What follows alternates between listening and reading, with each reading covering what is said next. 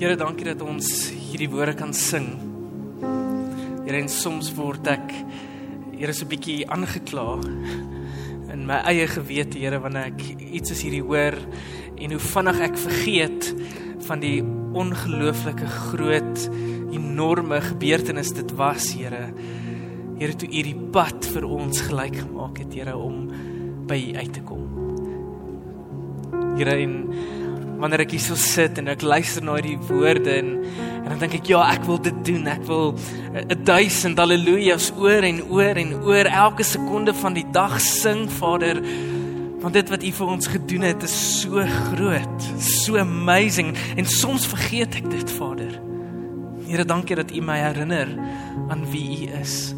Here, dankie dat U my herinner Here dat U is koning, Here vir vir alles, Here wat U gedoen het sodat ek by U kan leef, sodat ek naby U kan leef, sodat ek in verhouding met U kan staan.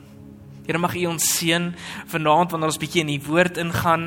Here mag U ons seën uh met wat mag ons luister. Here mag U ons hart vat en mag U ons hart oopbreek, Here om meer en meer van U te ontdek.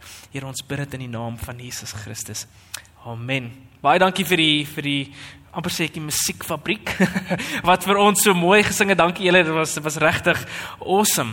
Ja, ek, ek weet ons is nou die eerste aanddiens van die jaar, maar van julle het die oggenddienste bygewoon en ek wil net so vinnig die afgelope 2 weke net so vinnig opsom, net so kort recap, um, want dit is drie sonde wat half in mekaar invleg um, en dit help ons om net so bietjie meer van die agtergrond te verstaan oor waar hoekom ons is besig waarmee ons besig is.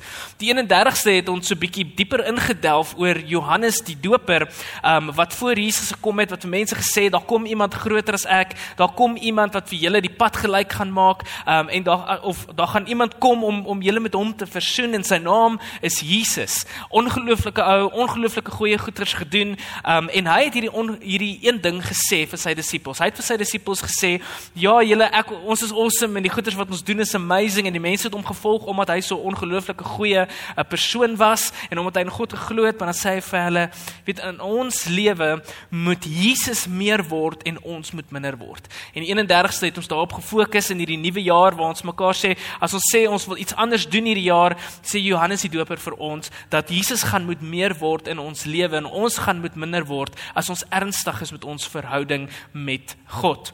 En dan laas week het ons so 'n bietjie verder gegaan en ons het in die boek van Judas rondgekrap. Judas baie kort 25 uh, versies, daar's net een hoofstuk. Um en hy praat bietjie oor die hele gedagte van jy word nou opgeroep tot 'n nuwe lewe en in hierdie nuwe lewe um het jy nuwe gewoontes nodig.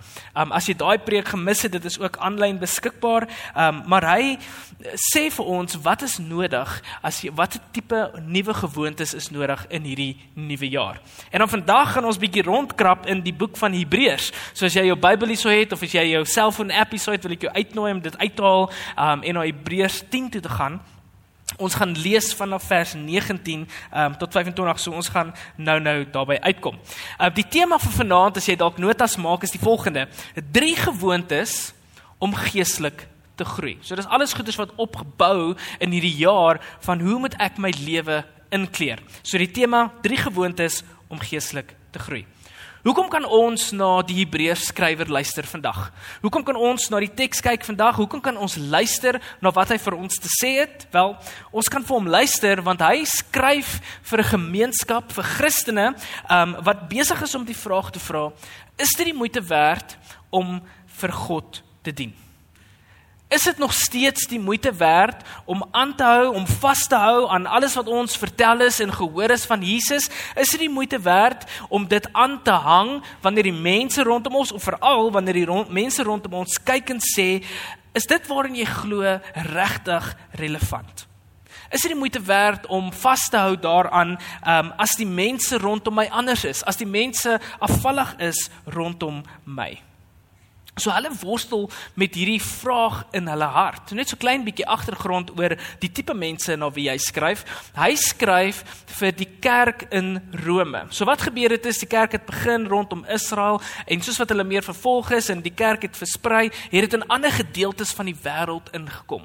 En natuurlik, hierdie kerk is eene wat in Europa sit. Um, dis 'n kerk wat baie jonk is, is 'n eerste generasie kerk heel waarskynlik. Um, en dit mag dalk Jode wees wat daarin getrek het wat dalk bekend is met van die Joodse tradisies, maar daar is ook 'n klomp mense, 'n klomp mense van die heidene nasies as ek dit tussen hakies kan sit, wat daar groot geword het, wat Christene geword het, um, en hulle het gehoor van die wonderlike werk wat Jesus gedoen het, die feit dat hy wonderwerke gedoen het, die feit dat hy die dood het opgestaan het, al die amazing stuff en hulle is soos ja, ons wil in hom glo. Maar hulle was 'n klein minority in hierdie samelewing rondom hulle was mense wat ander tradisies het, ander goed geglo het. Um en bo dit alles uh, is die keiser iemand wat hulle vervolg. So die mense rondom hulle, die samelewing is besig om uh weet met hulle die gek te skeer. Hulle daar was op 'n stadium wat uh, mense hulle goederes gesteel het en verkoop het en jy weet regtig net 'n grap met hulle gemaak het. Om te sê wie is julle? Julle is so klein groepie. En in hulle harte het hulle hierdie stryd want hulle het hierdie enorme teenstand wat hulle van die gemeenskap ervaar. Hulle word verdryf, hulle besittings word gevat en daar word net met hulle gespot. En hierdie aanhoudende druk van hierdie gemeenskap maak dat hulle half afvallig word. Dat hulle bedoelend dat hulle begin afstand neem tussen die Christelike waardes, die Christelike leefwyse waarna toe hulle geroep is om te leef, om te sê weet jy wat, ons weet nie of hierdie meer die moeite werd is nie. Kom kom ons doen maar wat ons altyd gedoen het of kom ons doen maar wat die, die mense rondom ons doen, dan sal ons nie so op die spot gesit word nie. So dit is wat besig is in om in hulle harte te gebeur. En dan die skrywer van Hebreërs gebruik die eerste paar hoofstukke, so jy kan regtig gaan lees vers 1 hoofstuk 1 tot 9 waar hy vir hulle skryf en en bietjie oor die teologie van Jesus verduidelik. Wie is Jesus? Met ander woorde, hoekom sou dit die moeite werd wees om vas te hou aan aan hierdie Jesus wat aan julle verkondig is? Hoekom sou dit die moeite werd wees om aan te hou glo? Hoekom sal dit die moeite werd wees um, om aan te hou glo wanneer dit met jou moeilik gaan? En hy trek op 'n stadium die deur van dit wat in die wêreld gebeur is klein in vergelyking met met of die teenstand natuurlik wat jy in die wêreld nou kry is klein in vergelyking met die ewigheid en en die goeie goed wat saam kom die feit dat jy toegang tot hom die feit dat jy saam met hom kan leef die feit dat hy jou innooi as sy kind en as deel van sy familie.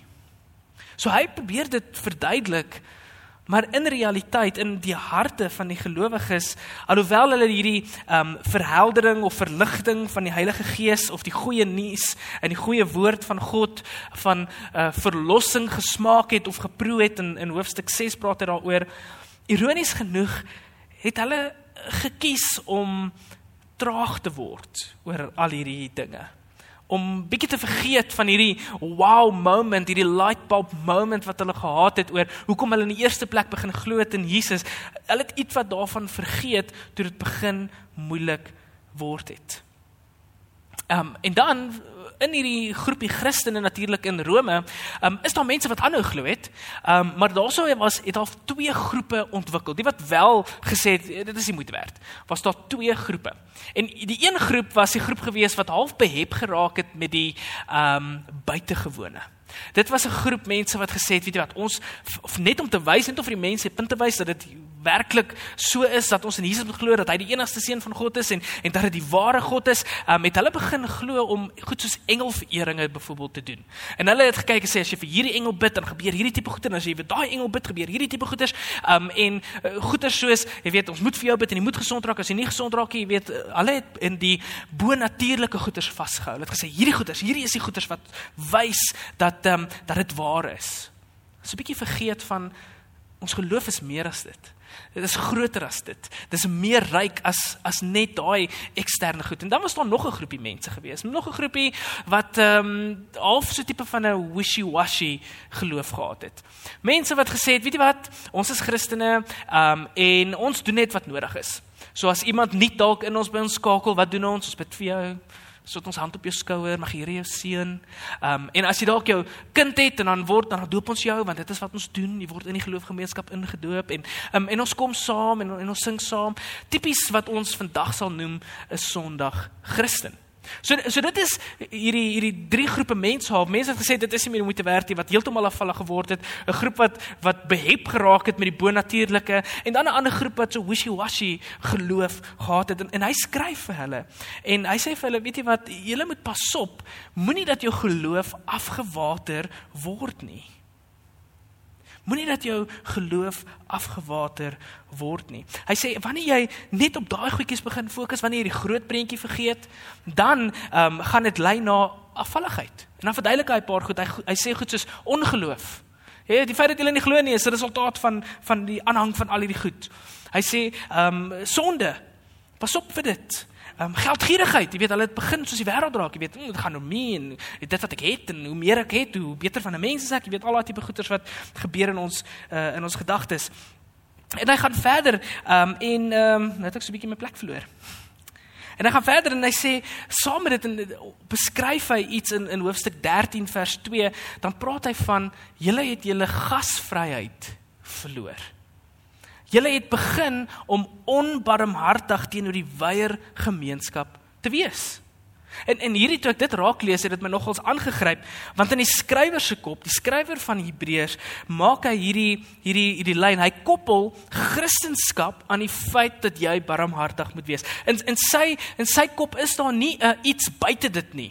Christendom kan nie buite 'n barmhartigheid wees nie. Hy sê dit is onmoontlik vir jou om 'n Christen te wees en om nie barmhartig te wees teenoor ander mense nie. Hy sê en en hy haal dit uit as een van tekens om vir hulle te sê julle het afvallig geword van dit waarvoor julle geroep is. En weet jy hoe weet ek dit? Julle is nie meer goed vir die mense rondom julle nie. Ja, die mense is besig om julle goed te steel en julle verdryf van goed, maar jy word nog steeds geroep om goed te wees vir die mense rondom. En omdat jy nie is nie, kan ek sien dat jou lewe is besig om as ek 'n Engelse woord kan gebruik, te backslide. So dan skryf Hebreërs hierdie brief, hierdie gedeelte as 'n as 'n respons.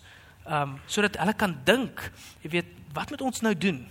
As ons geestelik wil groei, as ons geestelik volwasse wil word, wat is die goed wat ons wil aandag gee? En hy praat oor 'n hele paar goeters, um, en ek wil dit graag vir ons um lees. So kom ons lees in Hebreërs 10 vers 19 tot 25. Ek lees in die Nuwe Lewende Vertaling, maar jy kan enige vertaling lees, dit sê basies dieselfde. Broers en susters, aan die woord hy maak so 'n bietjie van 'n konklusie nou dat hy alles gesê het. Broers en susters, um, ons het dus nou deur die bloed van Jesus volle vrymoedigheid om in die hemelse heiligdom in te gaan. Ons het hierdie nuwe lewendgewende pad wat deur die binneste voorhangsel tot by God gaan wat uh, vir ons oopgemaak deur vir ons te sterf. Wat meer is, ons het 'n groot priester wat toesig hou oor die huis van God. Kom ons gaan dan die heiligdom binne, ja tot voor God met 'n opregte hart en absolute vertroue terwyl ons harte deur besprinkeling gesuiwer is vir 'n skuldige gewete en ons liggame gewas het met skoon water. Kom ons hou ook styf vas aan die hoop wat ons bely, want ons kan op op God staat maak. Hy sal doen wat hy beloof het. Laat ons voortdurend aandag gee aan mekaar oor hoe ons mekaar kan aanspoor tot liefde en goeie dade En laat ons tog nie, soos party gemeentelede die gewoonte het, versuim om die gemeente byeenkomste by te woon nie.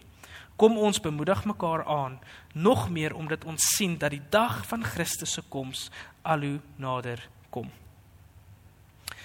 om te waak teen afvalligheid is daar drie dinge. Ons kan meer uithaal, maar daar's drie dinge wat ek graag wil uithaal in hierdie teks en net oor wil praat wat ons gaan help en in hierdie jaar kan help om geestelik te groei. Goeders wat ons kan leer uh, uit hierdie brief uit. En die heel eerste ding uh, wat hy sê, ons sien dit in vers 22. Die heel eerste ding is hy sê 'n wishy-washy geloof is nie genoeg nie. Hy skryf in vers 22, hy sê kom ons gaan die heiligdom binde. Hy sê ek wil julle met iets verstaan. In die Ou Testament was God nie noodwendig so toeganklik vir Jan Alleman nie. Dit was nie vir die gewone ou op die straat so maklik om toegang gehad het tot die allerheiligste God wat alles gemaak het nie. Ek wil julle herinner van julle sal dalk weet in die Ou Testament is daar 'n 'n tempel wat beskryf word in die tempel wat gebou is, uh, toe dit eers die tabernakel was in die tent en toe het hulle hierdie gebou gebou en dit het God se teenwoordigheid by die volk voorgestel. Nou enige ou kon nie daar ingaan nie. Hierdie tempel het was in in afdelings afgeskort. Sekere mense mag net seker uh, weet ver ingegaan het, veral vrouens, hulle was buite bly for some reason. Jy weet en dan was daar net een ou wat een keer 'n jaar tot in die toegesluitde kamer kon ingaan, die allerheiligste ingaan, een keer 'n jaar en dit was die hoofpriester. En hy kon net ingaan as mense na hom toe gekom het en gesê het vir die volk, jy weet gesê het ek en my gesin kom dalk en ons het hierdie en hierdie en hierdie en hierdie goed verkeerd gedoen en hier is ons voel of ons duif wat ons wil offer vir die Here en die hoofpriester het ingegaan en hy het die ding geoffer, die voel of die duif of die lam of maak nie saak wat dit is nie en hy het gesê Here ek bring hierdie gesin vir U sal U asseblief vir die gesin vergewe en en dit is hoe dit gewerk het. So iemand het namens jou ingegaan. Jy het nie toegang gehad tot God nie. Hy sê julle moet dit verstaan. Dis hoe dit gewerk het. Julle ken dit, julle daarvan gehoor. En dan sê hy, daar's nou 'n nuwe pad. 'n Nuwe teerpad as te ware wat oopgemaak is. Die voorhangsel, dit wat wat mense geskei het van die allerhoogste, die allerheiligste gedeelte van hierdie tempel met Jesus se kruisiging, as jy reg sal of jy sal onthou, het geskeur in die middel deur geskeur. Dit was nie mense wat hom geskeur het nie. Mense het nie gaan hang op hom en messe gevat nie. Dit was God wat hierdie hierdie gordyn laat skeur het. En ewe skielik is daar toegang vir almal om in te kan sien na die allerheiligste God wat daarso is, wat sy teenwoordigheid voorstel. En hy herinner die mense en hy sê vir hulle Jesus het dit kom doen. Hy het met sy lewe duur betaal sodat jy 'n uh, weg kan hê tot by die allerheiligste God. Die Griekse woord wat hier gebruik word vir daai weg is hodos. Dit beteken is 'n is 'n weg, is 'n pad. So hy sê die nou ingang tot by God is vervang eintlik met 'n breë weg. Julle het nou toegang tot hom en jy weet jy wat, julle kan net so toe gaan. Julle kan die vrymoedigheid opneem om na hom toe te gaan. En dan vra hy die vraag: Hoekom doen julle dit nie?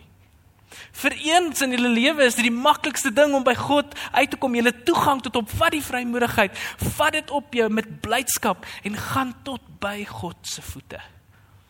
Gaan tot daar en knoop 'n verhouding met hom aan.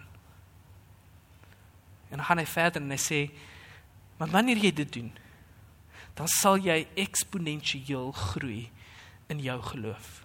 Hoekom?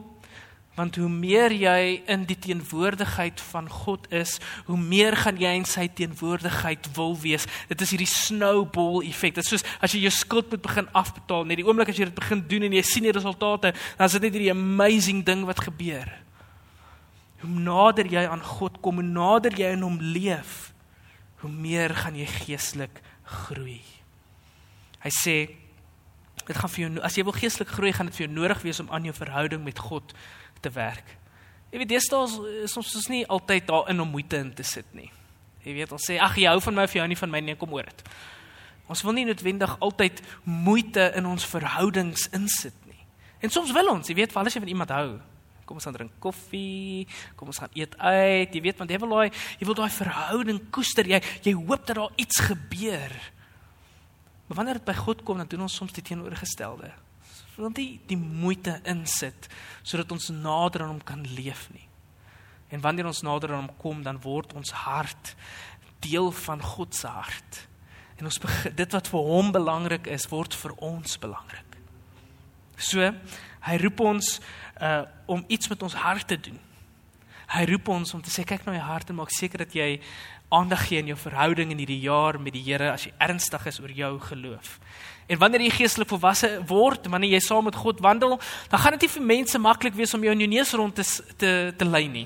Jy weet dit gaan nie vir jou maklik wees om elke afdraai paadjie te vat en in die rabbit hole in te gaan wanneer dit kom by geloof nie. Jy gaan presies weet hoekom jy glo, waarom jy glo en selfs wanneer dit moeilik is, dan gaan jy selfstandig kan staan. Jy het vrye en direkte toegang tot God, so betree dit. Dis die eerste ding wat hy sê wat jy kan doen as jy geestelik wil groei. Die tweede ding wat ek wil uithaal of die tweede uitnodiging wat die Hebreërs skrywer skryf sien ons in vers 24 en hy sê die volgende hy sê laat ons voortdurend aandag gee aan mekaar oor hoe ons mekaar kan aanspoor tot liefde en goeie dade. Hierso vat hy daai redenasie bietjie verder oor wat hy vroeër uitgewys het oor die feit dat hy sê julle is nie meer barmhartig met die mense rondom julle nie. Die skrywer maak dit eintlik duidelik om te sê dat dit is nie genoeg net vir jou om by die voete van die Here te gaan sit nie. Dit is great en en dit is super nodig en dit is die eerste stap, maar hoe meer jy by sy voete gaan sit en nou net ons gepraat van hoe dit wat vir God belangrik is vir jou belangrik word, wanneer jy meer in sy teenwoordigheid is en wanneer jy meer geestelik groei, God se hart is sodat ander mense dit kan beleef, nie sodat dit net by jou kan bly nie. Sy hart is sodat dit uit jou uit kan vloei, dat dit uit jou uitkom, uit jou uitborrel, wat dit deur jou kan vloei na ander mense toe. Jy weet, dis nie veronderstel om by ons te stop nie. Ons verhoudings stop nie hier by ons by my voete nie. Hy sê iets gebeur met jou wanneer jy by die allerhoogste se voete gaan sit. Hy roep jou om 'n stappie verder te vat in jou geloof. Nie net vir jouself nie, maar vir ander. Geestelike volwassenheid maak seker dat jy iets doen met jou hande en jou voete en jou mond. En dan gaan hy verder en hy sê ek wil julle aanspoor dat as jy geestelik wil groei, gaan doen goed vir ander mense. Draai dit. Eintlik hy nooi hulle eintlik uit. As jy geestelik wil groei, gaan doen goed, gaan deel met ander mense. Wys vir hulle die die liefde wat jy gekry het. Verder skryf Jakobus daaroor, um en hy sê geloof sonder dade is eintlik useless. Geloof sonder die feit dat jy iets daarmee doen is dood. Dit is leeg. En hy fokus daarop om te sê jy word geroep om om iets te doen vir ander mense. Hy nooi jou uit om nader te kom en om mekaar aan te spoor in liefde sodat jy vir ander mense iets kan wys. Dit wat in God se hart gaan sodat hulle dit kan ontdek. En dan die laaste ding wat uh, hy ons uitnooi is um in vers 25 en hy sê die volgende hy sê laat ons nie soos wat die gewoonte geword het vir die mense wat afvallig is nie hy sê moenie versuim om die byeenkoms van die gelowiges by te woon nie. As jy geestelik wil groei gaan jy hierdie goed moet doen maar een van die belangrike goeders is jy moet seker maak dat jy by mekaar is. Wat probeer hy hierso mee sê? Dit is eintlik baie maklik. Hy sê as jy wil geestelik groei, as jy geestelik volwasse wil word, gaan jy dit nie alleen kan doen nie. Julle ons is gemaak om in verhouding met mekaar te leef. Ons is ook gemaak om in verhouding met God te leef. Dit is in ons DNA. Daar gebeur iets met ons wanneer ons saam met mense is wat soos ons is en wat anders as ons is. 'n Klomp goed gebeur. Ons ons leer by mekaar. Jy weet ons skuur aan mekaar. Jy weet en ons sê dis altyd lekker nie, maar dit is goed. Dit dit is groei wat in ons lewe gebeur. Ons ons groei saam, ons ontdek saam. Ons spoor mekaar aan om om dit wat God vir ons te gee het om uit dit uit te deel ons kan vir God saam ontdek. Ons kan saam vir ander mense lief wees en ons kan vir mekaar lief wees. Ons kan barmhartig wees. En een van die grootste goed wat gebeur wanneer ons by mekaar kom is ons kan mekaar verantwoordbaar hou. Jy weet ek kan vir Stefan sê Stefan jy het gesê hierdie jaar die nader in die Here leef ek wil jou help. Hoe kan ek jou help? Check in met my. En ek wil by jou incheck. Wanneer jy alleen is, kan jy dit nie doen nie. Wanneer jy alleen is, is dit soos 'n 'n storm op die see en jy's op die klein deur en jy dryf daar en die branders kom en jy kan nie asem kry en jy sluk amper water. Maar wanneer jy 'n klomp mense bymekaar is, kan ons hande vashou en ons kan 'n bootjie bou en ons kan dit beter maak. Jy weet wanneer dit moeilik gaan, dan kan ons uitreik. En die gemeenskap weet van dit wanneer dit moeilik gaan. Niels het hierdie het hierdie sê ding, um en en hy sê altyd we come together because it keeps us from falling apart. En dit is presies wat die skrywer vir die gemeente sê. Hy sê dit is swaar, dit is moeilik, jy word besteel. Jy weet nie wat ek kan doen nie. Jy vra die vraag, is dit nog die moeite werd om vir God te volg? Is dit die moeite werd in 'n samelewing wat afvallig is? Waar dit vir my al hoe moeiliker word om die die die roeping wat Christus vir my gegee het uit te leef? Want dit sit my in die spotlight. Is dit nog die moeite werd? And I say we come together because it keeps us from falling apart. Ons het mekaar nodig veral wanneer dit moeilik is. Samekoms van gelowiges help ons om standvastig te wees, om te volhard, om mekaar se hande sterk te maak, om om vir mekaar verantwoordbaar te hou, om mekaar te waarsku teen teen sonde en afvalligheid. Dit help ons om in ander mense se skoene in te klim en om te sê ek verstaan en om ander mense te help. As ons geestelik gesond wil wees en gaan wees, dan uh, het ons aanmoediging en ondersteuning nodig in die skrywer vir Hebreërs wanneer hy vir die geloofgemeente skryf sê jou geloofsgroei is 'n spanpoging. Jy kan dit nie alleen doen nie. Want jy weet net wat jy weet. Jy weet nie iets buite dit nie. Hoe God werk is God praat deur ander mense met my. En hy gebruik my om deur ander om met ander mense te gesels en saam groei ons saam. It's the collective community waar die wysheid van God uitkom. En dis die basiese goed wat hy vir hierdie mense skryf. Hulle vra vir die moeite werd is, kom ek help julle. So ek wil jou uitnooi om hierdie jaar as jy sê ek wil aandag gee aan my geloofslewe en ek wil volwasse groei of wil volwasse word in my geloofslewe, maak seker dat jy werk in jou verhouding met God. Gaan die allerheiligste plek binne, vat die vrymoedigheid, neem dit op. Daar was nie 'n pad hier, daar is nou 'n pad vir jou om te gaan, 'n siteerpad, vat hom en spoor jouself en ander aan om tot liefde en goeie dade te doen. Don't let your faith be boring. Moenie dit net vir jouself hou nie. En dan die laaste een, onthou dat jy dit nie alleen gaan kry nie of reg kry nie. Ons het mekaar nodig. Kom ons bid. Hemelse Vader, Here, dankie dat ons U woord het waar U vir ons kom uitwys dat ons is nie uniek of alleen en 'n klomp vrae en goed wat in ons harte gebeur nie. Here, ons is nie alleen wanneer dit kom by uitdagings nie. Ons is nie alleen wanneer dit kom by vrae oor is dit nog die moeite werd om vir Jesus te volg nie? Is dit nog relevant? Is dit die moeite werd vir my om net aan te hou? Here, maar U het deur mense net soos ons Here het U dit vasgevang in die woord. En wanneer ons dit lees, Here, dat sien ons dat U gee om. Here dat U kyk na ons en U wil ons help om U beter te leer ken en Here om die mense rondom ons te help. Here, dankie dat ons in die woord kan lees en kan leer en ook uitgedaag kan word, maar saam met dit uitgenooi kan word om nader aan U te leef. Here, hierdie is my begeerte en my gebed vanaand. Here, as wanneer ons hier uitstap, Here mag ons sê, Here, ek wil aan my verhouding werk met U, want ek wil nader aan U leef. Here, mag U daai begeerte in ons hart sit. Here, mag U iets met ons doen wanneer dit gebeur. Here, mag U dwars deur ons vloei. En mag mense die vraag vra, wat is anders in jou lewe? Wat maak dat jy so hoopvol is? Wat maak dat jy omgee? Wat maak dat jy nie soos die res van die samelewing net na jouself kyk en na jouself omgee nie? Wanneer ons die res van ons se doen, hoekom is jy anders? Here, ons gaan dit nie regtig self kan doen nie. U is die enigste een wat daai begeerte in ons hart kan plant. Here, mag U ons help en lei in hierdie jaar. Here, mag ons besef dat dat dit wat ons in U het en dit wat ons in U kry is so enorm groot. Here, en sonder dit het ons totally lost.